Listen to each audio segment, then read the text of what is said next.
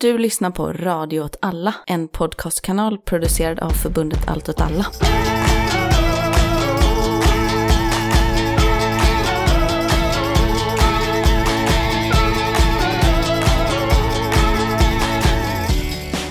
Hej och välkomna till Eld och rörelse med mig Martin Hansson. Och med mig har jag Sveriges ledande expert på Armenien, Azerbajdzjan-konflikten, Rasmus, Rasmus. Kahnbäck. Ja, jag, jag kunde ditt namn. Jag kunde det. Rasmus det. Kahnbäck. Jag säger det en till. Rasmus Kahnbäck. Ja, super, super. Trevligt att vara här i alla fall. Du är tillbaka. Planen var ju egentligen att vi skulle prata, var det den 9 oktober? Ja, det var det, det, var det nog. Eh, Och det var väl lite så att eh, jag skulle vara tillbaka i dubbel bemärkelse då. För jag hade ju varit i Armenien och Azerbajdzjan och skulle komma hem och ge en liten update på, Ja. från det förra samtalet. Det kom någonting annat emellan. Du blev bumpad. Eller du bumpade faktiskt dig själv lite. Så här. Nej, jag förstår Ja. att du behöver prata om. Och hänt andra grejer. Nej, men det, jag blev bumpad och saken är den att jag blev faktiskt bumpad av ganska många olika den, eh, den helgen. Så att eh, jag, jag tror jag hade tre olika poddar som var inbokade och Eh, alla tre blev inställda eller folk slutade höra av sig. är väl egentligen sanningen. Det kan jag verkligen tänka mig. Och finns det inte någonting liksom lite makabert i det? Nu pratar vi med ganska glättig ton här, men det är ju fruktansvärt allvarliga ämnen. Det är ju det är svårt att diskutera Israel och Palestina-konflikten eller kriget mot Gaza utan att liksom diskussioner eller eh, associationer till förintelsen sker. Jag vet att eh, personer har pratat om, om attackerna den 7 oktober som prognomer mot eh, judar till exempel, gjort paralleller med den kristallnatten och det här. Man har det här liksom djupt efterblivna uttalandet från högern med Ivar Arpi i spetsen om de ångerfyllda SS-männen eh, som, som liksom motvilligt utförde förintelsen i relation till Hamas då som då gladeligen utförde och så vidare. Så att de här liksom grejerna gör att folkmordet mot armenierna, och detta debatterar de lärda, så det ska väl sägas, men då pratar man ju om att folkmordet mot armenierna är en, är en inspirationskälla för Hitlers del. Och samtidigt som det här händer i Israel-Palestina så pågår det ju en etnisk rensning av armenier igen. Och även om det inte är i skala av, av folkmordet armenier och inte heller att säga att eh, folkmordet armenier och förintelsen på något sätt är likställda. Förintelsen är förintelsen, den är ett unikum i, liksom, i vår historia. Men att den diskussionen om armenierna och det som hände i Nagorno-Karabach är liksom en så, det är komplicerat, det är ingenting man riktigt vill prata om, man vill liksom inte heller, på, på internationellt så är det svårt att ta ställning i den här konflikten och så vidare. Medan vi har, från västsida kopplat till situationen i Palestina, har ju fått ett ganska, ett, liksom ett kompakt stöd till Israel med hänvisning till det judiska folkets lidande eh, under andra världskriget. Det finns ju någonting i det som är, är spännande, hur olika förhållningssätten ser ut till historiskt offerskap till exempel. Ja, och det, det blir ju väldigt tydligt hur det hänger ihop med eh, allianser och så vidare. Jag satt och lyssnade på en annan podd utav Utrikespolitiska institutet som gjorde en stor update på Nagorno-Karabach här i helgen och eh, där pratar de mycket om hur eh, omvärlden förhåller sig eller hur västvärlden förhåller sig till vännerna till de olika länderna. Så att om vi kollar på eh, Armenien, att de är deras bästa vänner väldigt förenklat skulle då vara Ryssland och Iran medan Azerbajdzjan har Turkiet och eh, eh, Israel just. Och det är två stycken viktiga allierade för västvärlden någonstans. Alltså både Turkiet och Israel är åtminstone rent formellt nära allierade. Och, och där finns det också en, någon, någon sorts av diskussion som hänger ihop med hur man också behandlar de olika folkmorden. Att helt plötsligt så blir folkmordet eh, lika mycket som ett historiskt faktum, ett politiskt redskap där man, inte, där man förnekar det ena men ska ställa sig bakom det andra. Att, att, det, att det är väldigt viktigt med, eh, med eh, förintelsen men inte det folkmordet mot kristna minoriteter i Ottomanska riket och så vidare. Det, det blir ju väldigt tydligt när de här två konflikterna sker både ganska samtidigt men också i eh, kontrast till varandra. Just för att de här allianserna då eh, hänger ihop. Om vi kollar bara på den här Israel-Azerbajdzjan-relationen alltså så, så är det ju många armenier som hävdar att Israel har varit, gjort sig medskyldiga till den etniska rensningen och kriget i Nagorno-Karabach. Att Israel faktiskt har exporterat vapen under ganska lång tid till Azerbajdzjan och 69 procent av Azerbajdzjans vapen mellan åren 2016 till till idag kommer ju de facto från Israel enligt eh, Sipri. De här vapnen har ju använts någonstans för att Aspirant ska just kunna fördriva armenierna i slutändan. Jag, jag, jag, jag kan ha nämnt det i förra podden också, men jag intervjuade en, en eh, judisk aktivist som är en sionist som bor på Västbanken men som är emot israelisk vapenexport till diktaturer, vilket också var en så här helt okay. Eh, märklig blandning av olika tankar i huvudet samtidigt. Eh, och han var ju jättekritisk mot eh, vapenexporten till just Azerbajdzjan i synnerhet på grund av folkmordskopplingen. Att israeliska vapen ska inte gå till en diktatur som faktiskt håller på med ett pågående folkmord som faktiskt många har kallat det som hände i Nagorno-Karabach. Ja, spännande hur människor får ihop olika saker i, i i sitt eget huvud. Och man kan väl säga det om vapenexporten. Från eh, Israel till Azerbajdzjan så har ju den ju framförallt handlat om högteknologisk eh, signalspaningsutrustning, så kallade patrullrobotar, alltså kamikazedrönare och så vidare. Du sa från 2016, eller hur? Mm,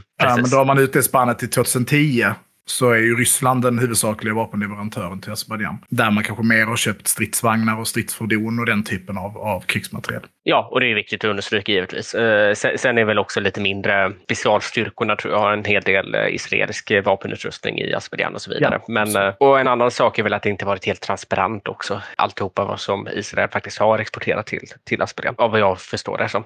Men eh, vi ska inte bara prata om, om det eh, egentligen. Men vad, vad är det senaste som sker i eh, Israel-Palestina eller Israel-Hamas? Det var trevligt. Min co-host nu när Myran inte är här så nu får du axla den här rollen istället. Nej, men det som väl har hänt de, de senaste dagarna, vi spelar in den måndagen den 13 november, så det här kommer ju vara en smula utdaterat. Men det som har hänt sedan vi släppte sist är ju att Israels markoperation har ju varit pågående nu i ett par veckor. Mer intensivt de senaste veckan. Och eh, de har i praktiken skurit av norra Gaza Eh, ifrån södra. De slog in, man kan säga, huvudsakligen tre anfallsriktningar. En längs kusten, en vid nordöstra gränsen inne i Gaza. Och sen framförallt så slog de ju en kil rakt igenom Gazaremsan eh, ut mot kusten. Allt det här sammantaget skar av eh, den norra delen. Israel själv påstår att de har eh, nedkämpat ett par hundra, det finns lite olika siffror, men runt 500 Hamas-kombatanter eller soldater har dödats. Eh, stor del av ledarskiktet har dödats och man säger väl att man i, i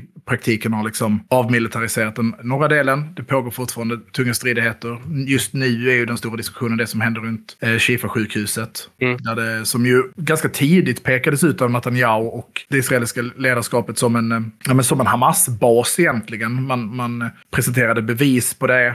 Beviset var konstigt nog en 3D-animerad grafik, jag vet inte, där man visade ett eh, stort tunnelnätverk eh, rakt under sjukhuset. Men det är inte bara, de har inte bara pekat ut tunnlar, de pratar om att eh, bränsletransporterna till det här sjukhuset, de har ju stora cisterner för att kunna hålla bränsle. Sjukhus har ju generatorkraft för att kunna vara verksamma även om elektriciteten skulle slås ut. Den pratar man om att det är liksom Hamas bränslelager.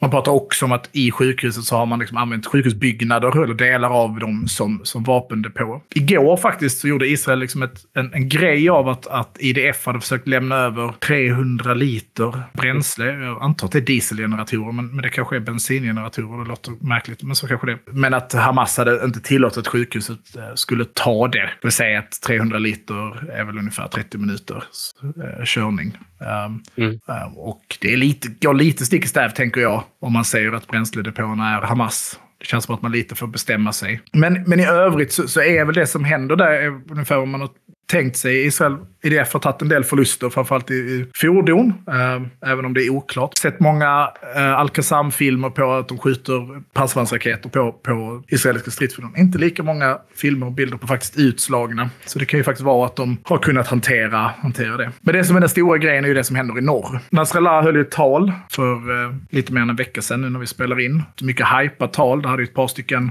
teaser-filmer som släpptes innan. Och sen var talet, man kan tolka det på lite olika sätt, vad det egentligen egentligen vad som sades. Men i, men i enkelhet så tror jag att man kan sammanfatta det med att han sa den här operationen är palestinsk. Vi har inte varit inblandade i utformandet av den eller utförandet av den. Eh, Iran har ingen direkt koppling. Iran bestämmer inte vad motstånds axelmakterna, Axis of Resistance, gör och inte gör. Vi gör vår del. Vår del går ut på att vi har bundit upp hälften av IDFs eh, styrkor uppe vid norra gränsen. Detta togs av väldigt många som att Hezbollah sa att de inte tänkte göra mer. Att de lite var så här, det här är inte vår grej. Vi har ingen liksom, direkt eh, stake i den här, det som händer nu. Det som väl är det intressanta med det här är att jag tror att man snarare ska tänka att för Hizbollahs del så är det ju att de gör det de liksom kan göra. Det fanns liksom någon förhoppning om att Hizbollah skulle göra, de skulle liksom intervenera mer direkt. Men jag har liksom aldrig hört någon som faktiskt har koll på läget som skulle förstå vad det var de tänkte att Hizbollah skulle göra. Att de skulle anfalla Israel med liksom marktrupper är fullständigt uteslutet slutet. Det skulle bara bli ett, ett blodbad. Men vi har sedan det talet så har vi också sett en eskalering uppe på den norra fronten där Hizbollah gör allt mer eh, angrepp som, som eh, mer aggressivt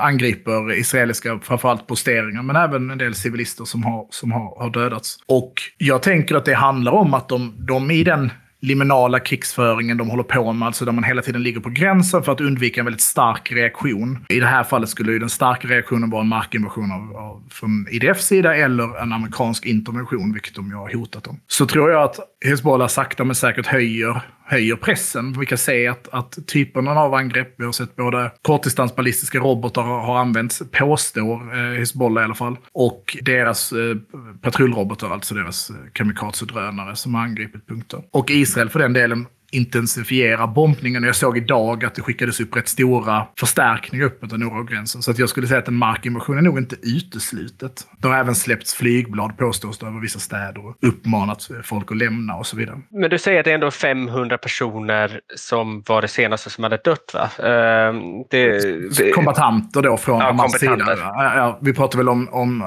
Hamas eh, hälsoministerie har väl rapporterat om det är 11 eller 12 000 döda. Då kommer de komma och säga men det är Hamas, de kan man inte lita på. Nej, men det spelar väl ingen jättestor roll om det är 8000 eller om det är 11 000. Jag vet inte. Det är en, eh, en eh, ganska en, en mindre skånsk stad har dött. På, på, re, på rekord eh, kort tid dessutom. Ja, eh, i, I modern krigsföring. Ja. Det finns ju större politiska eh, utvecklingar i detta. Som ju både är det här vi såg från USAs sida där de sa att de ville ändra vissa av de uttalanden man tidigt hade gjort. Alltså kopplat till Israels rätt att svara hur de ville eller att det inte fanns några röda linjer för USAs del och så. För att man var orolig hur det här skulle sluta. Och jag tänker att man nog kan, kan anta att det finns liksom en, en, diplomati som sker i skuggorna på något sätt. Där USA försöker begränsa vissa av de handlingar som, som eh, IDF framförallt då gällande bombning och skala av den här operationen. Netanyahu var ju ser, man någon, eh, ser man någon eh, förändring i beteendet? Nej, absolut inte. Jag skulle dessutom säga att, att Netanyahu har blivit mer specifik i, i de här ganska diffusa tidiga krigsmålen om att Hamas skulle försvinna eller hur man skulle radera Hamas och så vidare. Det är ju väldigt diffusa krigsmål som är helt omöjliga att mäta eller framförallt helt omöjliga att uppnå. Men nu pratar man ju var det inte så länge sedan att jag var ute och sa att hela Gazas eh, säkerhet skulle övergå i israelisk regi och så vidare. Alltså, det är ju mer specifikt konkreta mål. Då innebär det ju att nu kan inte IDF avbryta när de har rensat den här norra delen av Gazaremsan som de har gått in i. Tömt den, ödelagt den. Jag tror det pratas om att 260 000 hem är förstörda. Redan nu? Ja, redan nu. Och då, då kan ju inte Israel stanna efter detta och säga vi är klara, vi har gjort det vi skulle göra. Man har också sagt att, det tror jag var från IDFs sida, så sa när vi är färdiga så kommer ingen skjuta några raket, raketer på israeliskt territorium längre. Vilket ju är en annan, det kräver ju mer än att bara ta Gaza. Då får man ju ta typ hela Libanon. Troligtvis då om man ska fördriva massa människor in i Egypten så får man ju också ta delar av Egypten. Alltså, ja, det kan väl kanske vara värt att säga någonting om Jemen också i allt det här. Vad är det som händer i Jemen?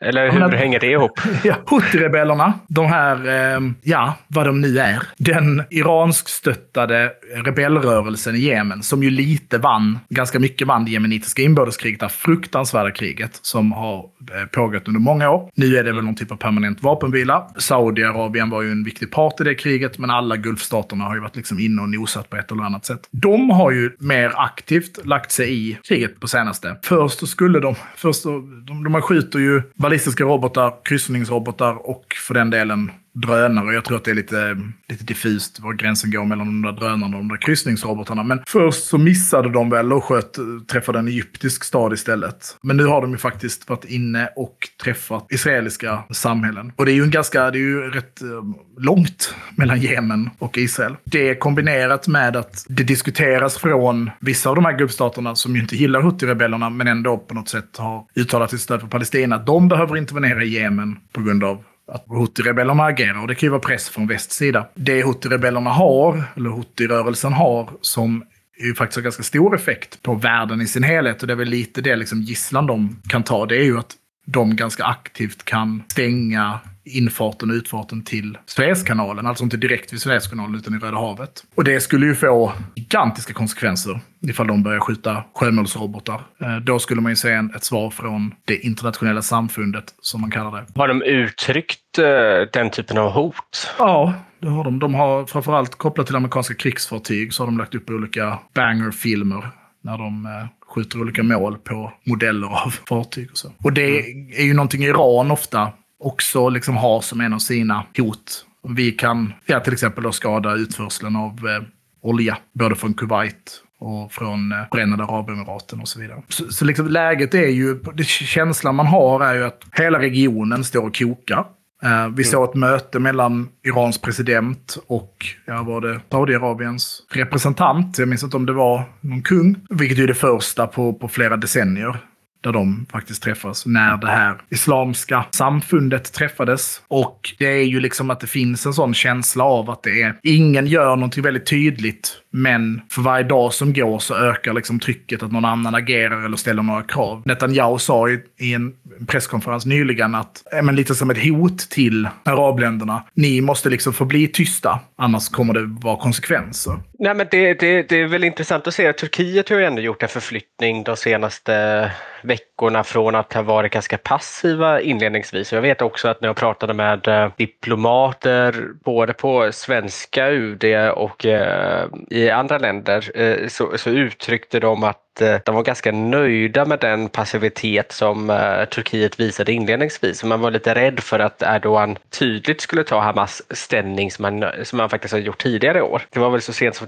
2018 tror jag som han ändå gick ut och stöttade Hamas väldigt, väldigt tydligt. Och sedan, sedan de senaste veckorna har, man, eh, har det ändå skett en typ av förflyttning. Vad innebär det för konflikten och, och balansen? Jag tänker att Erdogan, som ju både drivs av liksom regionala stormaktsambitioner. Måste ju i alla fall retoriskt vara en viktig spelare i detta. Alltså, om man, lite, om man tänker motsvarande Putins sån vi är beskyddare av de kristna, som han ju har mm. haft någon grej going, så tänker jag att om man vill vara en stark enande muslimsk kraft i Mellanöstern och ha stormaktsambitioner så måste han ju i alla fall retoriskt göra anspråk på det. Mm. Sen i praktiken så ser vi ju inga agerande från Turkiets sida. Matleveranser, alltså jordbruksprodukter till Israel fortsätter att exporteras utan störningar från, från Turkiet till Israel senast jag tittade. Jag har inte heller läst någonting om att de militära samarbeten som finns mellan Turkiet, vilket framförallt är kopplat till eh, liksom, israelisk militärindustri, att de på något sätt skulle vara begränsade eller förändrade. Så jag tänker att det är lite så som det kanske som det var under Ship to Gaza, där man, där Erdogan och Turkiet profilerar sig högljutt i frågan utan att göra någonting överhuvudtaget. Och på grund av Erdogans eh, särställning i, i eh, världspolitiken nu, med, med bland annat genom att kunna blockera NATO-avtalet, eh, men också för att På spåren-avtalet kommer att skrivas om snart, så märker man ju också att ingen vill ju säga någonting. Vi har en regering som extremt högljutt och blodtörstigt bitvis har liksom, ja, de har ju låtit som republikaner i USA, typ kopplat till den här situationen. Röstat nej till exempel då i FN kopplat till ett krav på en vapenvila till exempel. De eh, har ju inte yppat ett ord, så vitt jag kan se, kopplat till Erdogans ställning i frågan. Eller för den delen kopplingen mellan Hamas och, och Turkiet, som du själv pekar ut. Alltså att man har haft möten. Det finns väl ett Hamas-högkvarter i Istanbul om jag inte missminner mig och, och så vidare. Ja, nej, men det är, det är en, en, annan aspekt, eh, återigen när vi kommer tillbaka till Azerbajdzjan och så vidare. 65 procent av Israels olja det senaste året i alla fall kommer ju från Azerbajdzjan via Turkiet, via de eh, olje och gasledningarna som går eh, ner, ner, ner till kusten. Tror du att det är att, eh, vapen, vapen mot olja-deals? Eller avtal? Eller handlar det om att Israel föredrar Azerbajdzjan som, som handelspartner före de arabiska staterna? Eh, det, det, tror jag att det, det finns en sån aspekt i det hela. Definitivt att man föredrar eh, Azerbajdzjan för att eh, Azerbajdzjan är ju betydligt mer dels sekulärt och eh, dels inte riktigt på ett diplomatiskt plan är inte just den, den muslimska gemenskapen så viktig för Azerbajdzjan.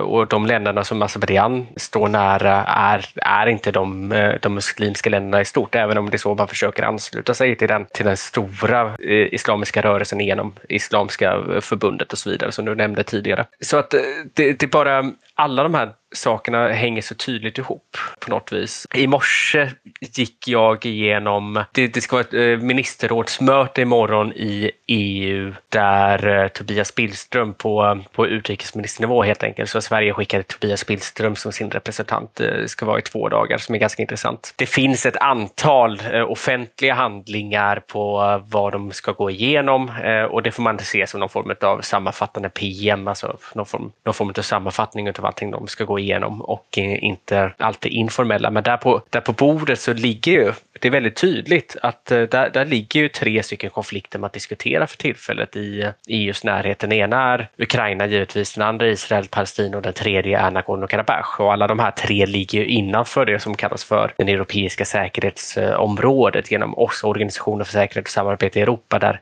alla de här länderna faktiskt är medlemmar. Nu är Israel inte en fullfjädrad medlem, utan man har observationsstatus och någon form av eh, partnerskap med OSSE. Så det är väldigt tydligt att vi har tre stycken konflikter i EUs ytterkanter för tillfället som alla tre på mer eller mindre utsträckning verkligen hänger samman. Men, eh, men när jag kollade på de här underlagen så det man diskuterar är framförallt stödpaket till de olika konflikterna. Eh, humanitära stödpaket i synnerhet. Eh, och det är inte så himla mycket huruvida man ska bedöma konflikterna på, på något sätt. Men å andra sidan, när man skickar stödpaket så finns det ju också någon form av politisk bedömning i det hela. Så att om man skickar stödpaket till Armenien just nu så ser det Azerbajdzjan det som ett eh, anti-azerbajdzjanskt eller pro-armeniskt ställningstagande. Det, det såg vi till exempel igår. Det är, inte, det är visserligen inte ett stödpaket utan det är Frankrike har börjat exportera vapen till... Eh, Anti-drönarsystem var det väl om jag inte missminner mig. Så att du läste ja, det, det, det, var lite allt möjligt. Ja. Jag, vet inte, jag vet inte exakt vad det var för någonting. Och då kallade Azerbajdzjan det helt, helt plötsligt för ett pro-armeniskt ställningstagande. Och det hänger ju ihop med att eh, Georgien fick kandidatstatus till EU förra veckan. Enligt Azerbajdzjan så hade inte de här vapnen kunnat skickas via Georgien in i, eh, in i Armenien om det inte vore för kandidatstatus hade blivit eh, godkänt. Och sedan när vi kollar på stödpaketet till, eh, till Ukraina så det handlar det väl om att utöka det som man redan ger och eh, till Israel och Palestina så handlar det mycket om stödpaketen till hur mycket, ska, hur mycket kan man stötta skydda de civila eh, i Gazaremsan. Och där ser vi också en retorisk justering sen eh, någon vecka eller två tillbaka från biståndsministern Johan Forsell eh, som faktiskt har, har ganska tydligt gått ut och sagt att nu måste vi värna om de civila och detta var någonting som man inte sa den 7 till 15 oktober utan det är någonting man har justerat senare när det har verkligen börjat påverkas och när de här diskussionerna inom EU också börjat uppdagas. Han var väl tidigt ute med att vi skulle strypa alla bidrag till, till Gaza och så. Ja, Absolut. Men du, du menar att det har skett en förändring där i retoriken från hans sida? Ja, jag uppfattar att det har skett en förändring eh, från hans sida. Alltså, redan den var den 10 oktober typ gick Johan Forsell ut och sa, precis som du säger, nu ska vi strypa alla bidrag till Palestina. Eh, jag vet inte om det har skett, men det som man pratar om nu är verkligen att vi måste försvara rätt rätten till katastrofhjälp för, för civila på Gazaremsan och Israel måste se till att det får komma fram också. Eh, och detta speglar mycket av de diskussionerna som är inom EU. Utan jag tror att den första veckan utav Israel-Palestina så sprang många utrikesministerier för snabbt helt enkelt. Man hade inte pratat ihop sig med sina kollegor runt omkring i Europa. Det påminner ju om respons i ganska många olika kriser vi har sett historiskt. Vi, eh, det, det, var, det var väl samma sak i början av Rysslands invasion av Ukraina 2022. Att man, man sprang för snabbt på besluten vilket gjorde det, att det blev en del felbeslut. Man sprang för snabbt på besluten kring corona vilket gjorde att alla landsgränser stängdes ner på nolltid och sådana saker. Nu tar inte jag ställning till om det var rätt eller fel under corona eh, eller om det senare är rätt eller fel utan det, det är bara man, man kan se under de här kriserna det finns en ganska dålig koordinering för att EU-maskineriet ska komma ikapp så krävs det att man har de här ministerrådsmötena. Eh, och nu har vi haft det första stora ministerrådsmötet, det var för några veckor sedan, den 26 27 oktober och då var det på statsledarnivå. Alltså det var ju statsminister eh, Ulf Kristersson med sina kollegor ute i Europa som träffades och då hade man också en liknande agenda som det som man ska ha idag i morgon tisdag den 13-14 november. Men då trots att det hade skett då den etniska rensningen i Nagorno-Karabach och trots att det faktiskt skulle varit en prioriterad fråga på agendan så plockade man ner det så att det inte hanns med. Så att inför det här ministerrådsmötet i morgon den 13 och 14 november då har man gjort om agendan så man tar Ukraina och Ryssland först och så tar man Armenien, Azerbajdzjan efter det och så tar man en hel dag för Israel-Palestina-frågan eller Israels krig mot Hamas. Men är det bara att man äh. skiter i det liksom? Att det är inga stakes. Det, är liksom, det betyder ingenting. En hemmaopinionsfråga. Alltså frågar du en random svensk om den här konflikten så känner de liksom inte till det. Ser det annorlunda ut i Europa i stort? Liksom? Nej, men det, det, det är just det här att eh, rent prioriteringsmässigt så blir det ju de här tre konflikterna som alla tre på pappret åtminstone borde vara eh, likvärdiga med varandra i men de är ändå alla, alla tre, om vi, om vi bara rent objektivt om vi kollar på det, så Ukraina ligger jättenära Europa givetvis, men den ukrainska politiska ställningen innan kriget 2022, den var ju, den var ju egentligen på pappret jämställd med både Armenien och Azerbajdzjan. Israel däremot ligger lite närmre och har alltid varit en eh, närmre allierad, så där, där förstår jag man kanske reagerar eh, ännu tydligare. Det, eh, det, blir till syvende och sist för, eh, sannolikt eh, en, en, en politisk eh, vilja, att viljan att diskutera vissa konflikter är större än andra. Och det kanske ska vara på det viset. Men, eh, men det gör det ju också att när det kommer sån här, eh, när det kommer upp på agendan trots att, all, att, eh, att konflikten är så, så pass akut och det kommer in en annan konflikt så det är inte bara medievärlden och människors intresse som, som minskar utan det är ju eh, även politikernas intresse för en viss fråga. Jag tänkte bara fråga, vad, vad har hänt sen sist? Det, det, är ju också en rätt relevant fråga. Det var ju därför det blev det, var det du skulle prata om när vi bumpade dig den 9 oktober. Och hela Sverige bumpade dig. Ja, hela Sverige. Hela Sverige.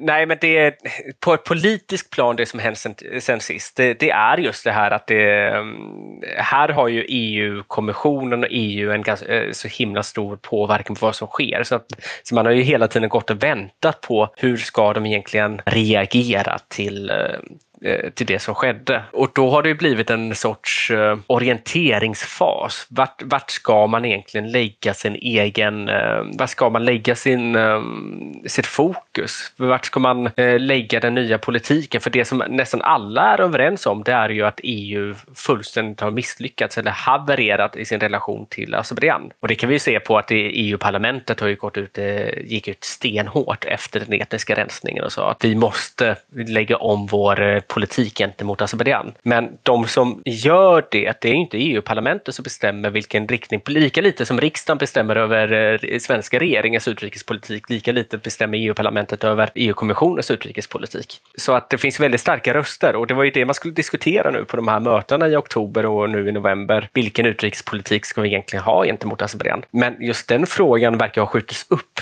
på grund av Israel-Palestina-frågan. Det, det kom inte med på agendan som det skulle. Väldigt intressant, det är ju att Sverige eh, historiskt har ju haft en nästan, eh, jag vill inte kalla en pro-azerbajdzjansk syn på konflikten, men man har haft en syn där man inte vill förändra någonting. Så Sverige har varit ganska drivande inom EU, om jag förstår saken rätt, på att faktiskt bibehålla den här. Och det hänger ju ihop med så himla många olika saker. Typ att en av de starkaste pro-azerbajdzjanska forskarna vi har i världen, Svante Cornell, för det här UD finansierade institutet som jag pratade om i tidigare avsnitt som ni kan höra lite mer på. Handplockades av Carl Bildt-regeringen som den personliga rådgivaren på just den här delen av världen. Så att det någonstans så satt satte det tonen och normen för hur Sverige skulle se på konflikten. Och detta ser vi också efteråt. Jag, jag hörde lite mm, skvaller från UD att de hade haft en briefing nu inför ministerrådsmötena i eh, EU där eh, sakkunniga på UD hade sagt att de var oroliga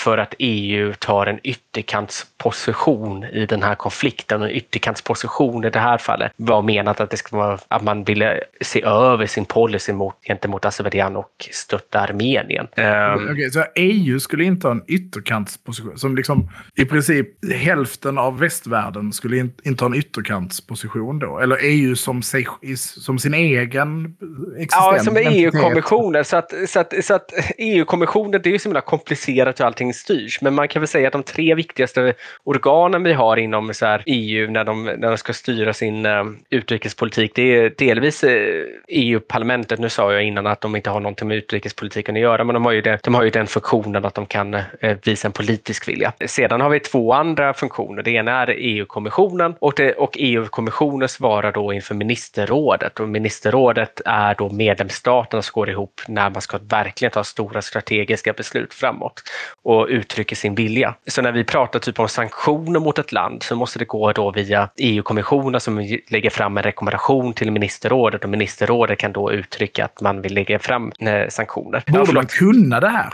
Alltså borde jag som, som svensk medborgare kunna det här? Hur det här går till? För det tror jag fan inte många gör alltså. Nej, det tror inte jag heller.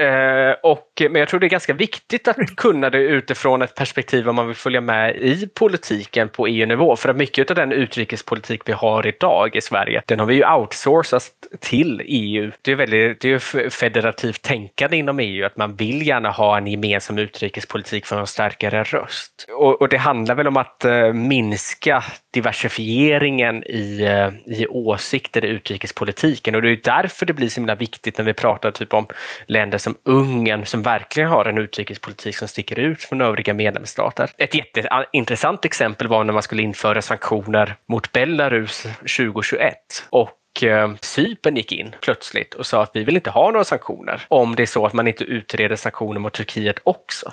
Och då har vi ju redan konstaterat att Turkiet är ju en allierad till västvärlden. Så det, det, var inte någon annan medlemsstat eh, mm. sugen på. Så det blev ju inga sanktioner mot Belarus förrän kriget i Ukraina 2022. Men okej, det var liksom eh, Cypern som ställde till det. Ja, den minsta EU-staten i princip.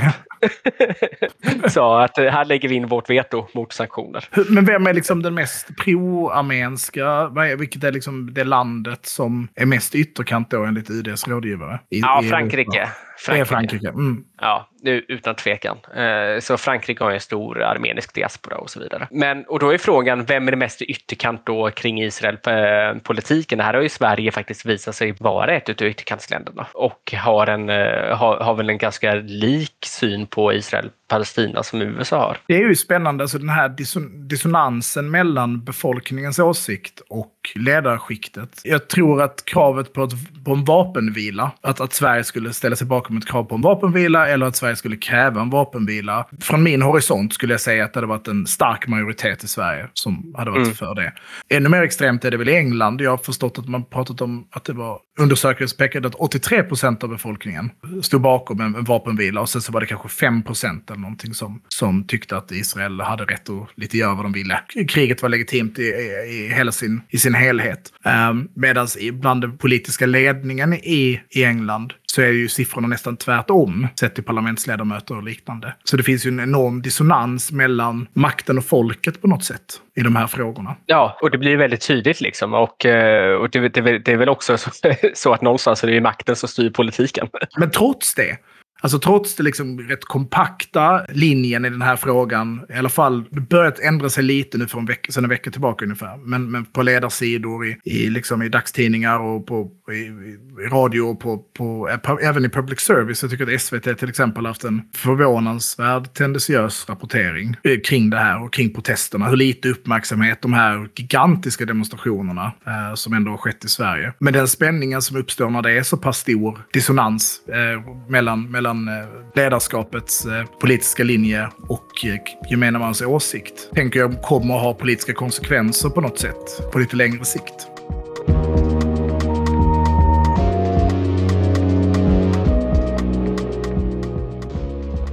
Du själv kommer ja. väl från liberalt håll? Eh, ja, det, det kan man säga. Men eh, kring...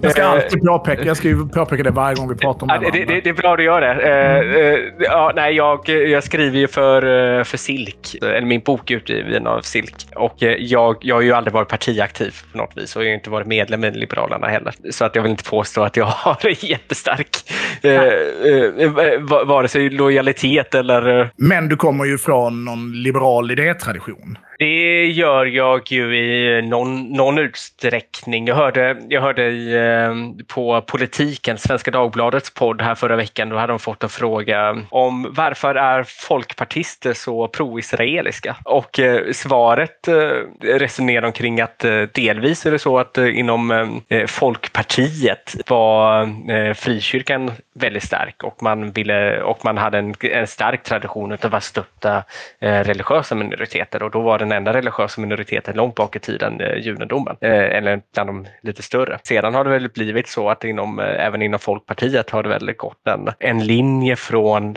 att man stöttade en tvåstatslösning till att bli mer och mer pro-israeliska av någon anledning. Men det är inte min, min, min grund till konflikten. Jag, jag bodde ju faktiskt i Israel. Oj. Jag var tillsammans med en judinna när jag var i 20-årsåldern och vi flyttade till Israel väl tillsammans på den tiden. Och hon kom från en väldigt judisk familj, både en troende familj, men också en ganska patriotisk familj. Okay. Och eh, gick med i eh, armén samtidigt som jag bodde i Israel. Lite som en reaktion mot hela den här grejen så åkte jag in och hängde på Västbanken väldigt mycket. Det kunde inte hon göra men hon var judinna och jag hade den friheten eh, att göra det. Så varje gång det var någon st större judisk eh, eh, högtid, vilket var väldigt många jo, jo, och långa, så åkte jag in till eh, Västbanken och eh, hängde där helt enkelt. Eh, och det var min, det var min ingång till, till konflikten. Och jag var ju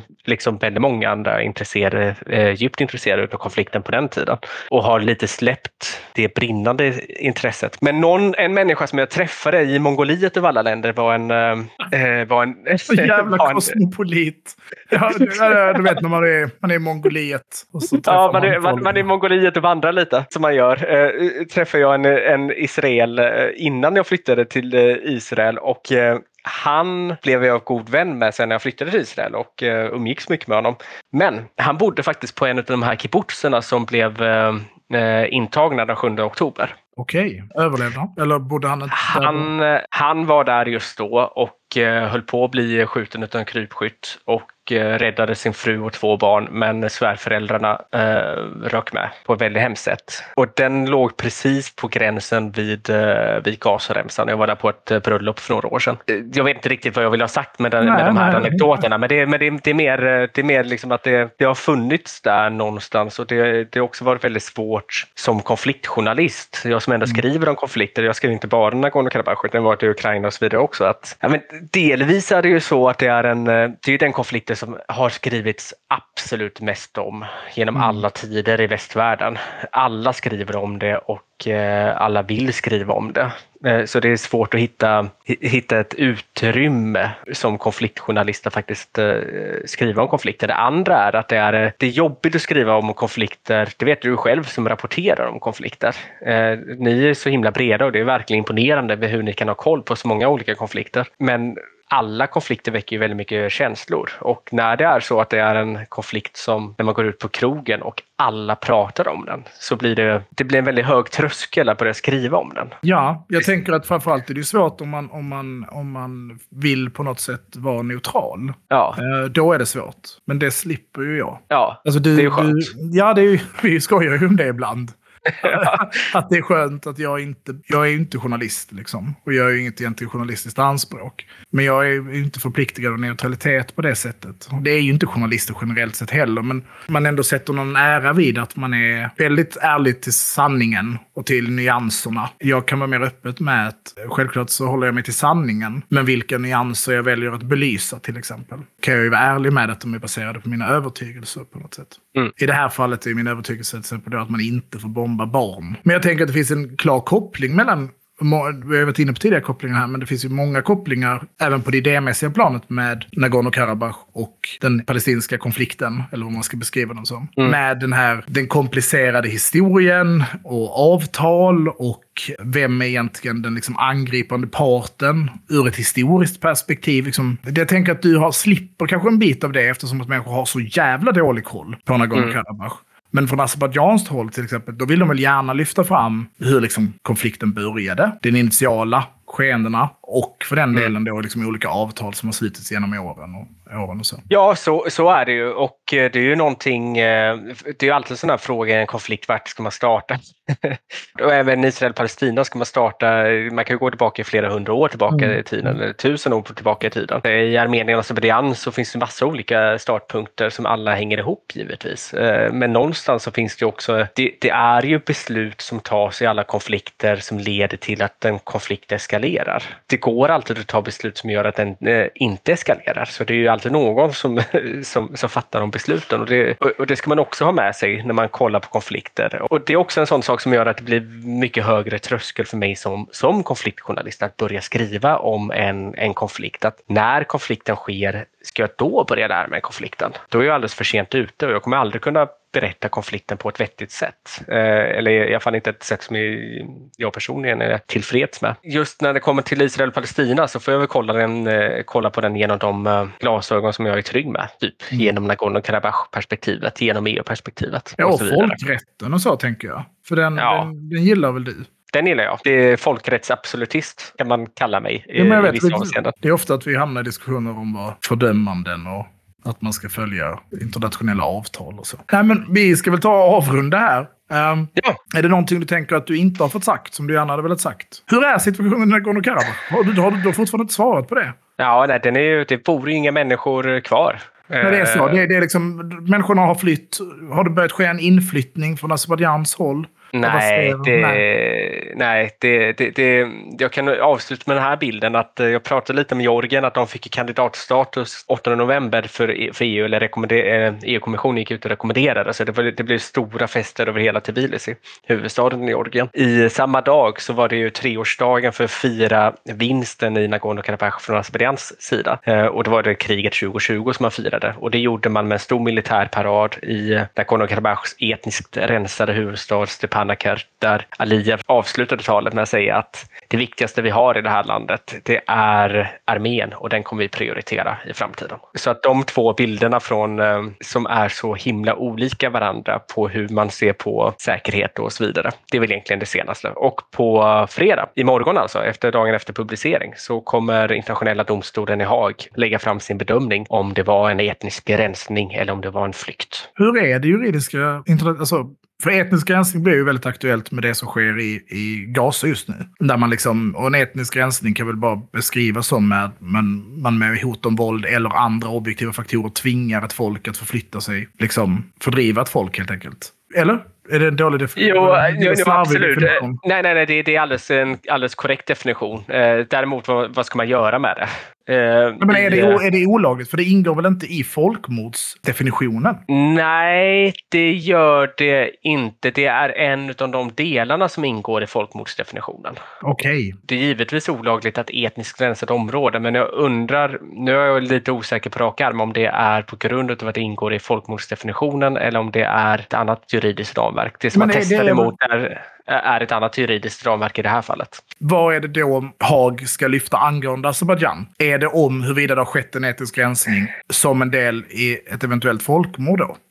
Det, nej, det, det, det, som man, det, det, som man lyfter i det här ramverket är eh, gentemot rasdiskriminering. Om Azerbajdzjan gör sig skyldig till rasdiskriminering. Så, det, så det, det, är en längre juridisk process som Armenien har mot Azerbajdzjan. Azerbajdzjan har en likadan mot Armenien ska också sägas. Men, men hittills har det inte fattats några större beslut mot Armenien utan nästan alla beslut har fattats mot Azerbajdzjan utav internationella domstolen i Haag. Det som är syftet med att fatta sådana här beslut är eh, är att skapa ett eh, juridiskt narrativ som Armenien och omvärlden behöver ta hänsyn till när man ska fatta beslut om, eh, eh om säkerhetspolitik i eh, södra Kaukasien. Och det blir, det blir svårt för omvärlden att på ett politiskt plan ignorera att den internationella domstolen i Haag har sagt att det är en etnisk rensning, om det nu är en etnisk rensning. Men, men så det är det ena. Det andra är också att med, när man kallar det för en etnisk rensning så får flyktingarna i Armenien en eh, förstärkt flyktingstatus vilket ålägger att eh, omvärlden också behöver reagera eh, med olika stödpaket och sådär till Armenien på ett annat sätt. Så det finns lite olika saker som är, som är rätt praktiska och i, eh, när, när väl slutdomen kommer om ett par år, det är en provisorisk dom som det kallas, då, då kommer eh, det gå upp till FNs säkerhetsråd för att kunna eh, fatta ett starkt, ett bindande beslut. Ungefär. ja, ungefär. Um, jag tänker att vi får ta och avsluta. Um, tack så jättemycket för att du var med. Är det något du vill göra reklam för? Nej, boka mig för en föreläsning. Boka dig för en föreläsning. Du, jag kan boka ja. dig för föreläsning, för du kommer hem till mig och hålla föreläsning för mig då. Ja, det gör um, jag så ofta så. Ja, ja men det är, det är gött. Boka, var, var bokar man Rasmus Kahnbäck för föreläsning då? På din hemsida? Skri, ja, på min hemsida. Skriv ett mejl till mig så, du så löser vi det. du har såklart en hemsida. Perfekt. Då ser vi helt våra lyssnare. Man kan eh, följa mig på Twitter. Där heter jag Trojkan1337. Man kan följa oss på Facebook, där heter vi Eld och rörelse. Man kan följa oss på Instagram, där heter vi eld. och rörelse. Bli Patreons om ni vill lyssna på trams från mig och Myran. Nästa kommer vara en riktig banger. Annars eh, köp vår t-shirt. Man kan också följa dig på Twitter. Där heter du... Ja, Karl Back Rasmus. Tack så mycket för att ni har lyssnat. Ha det gött! Hej hej!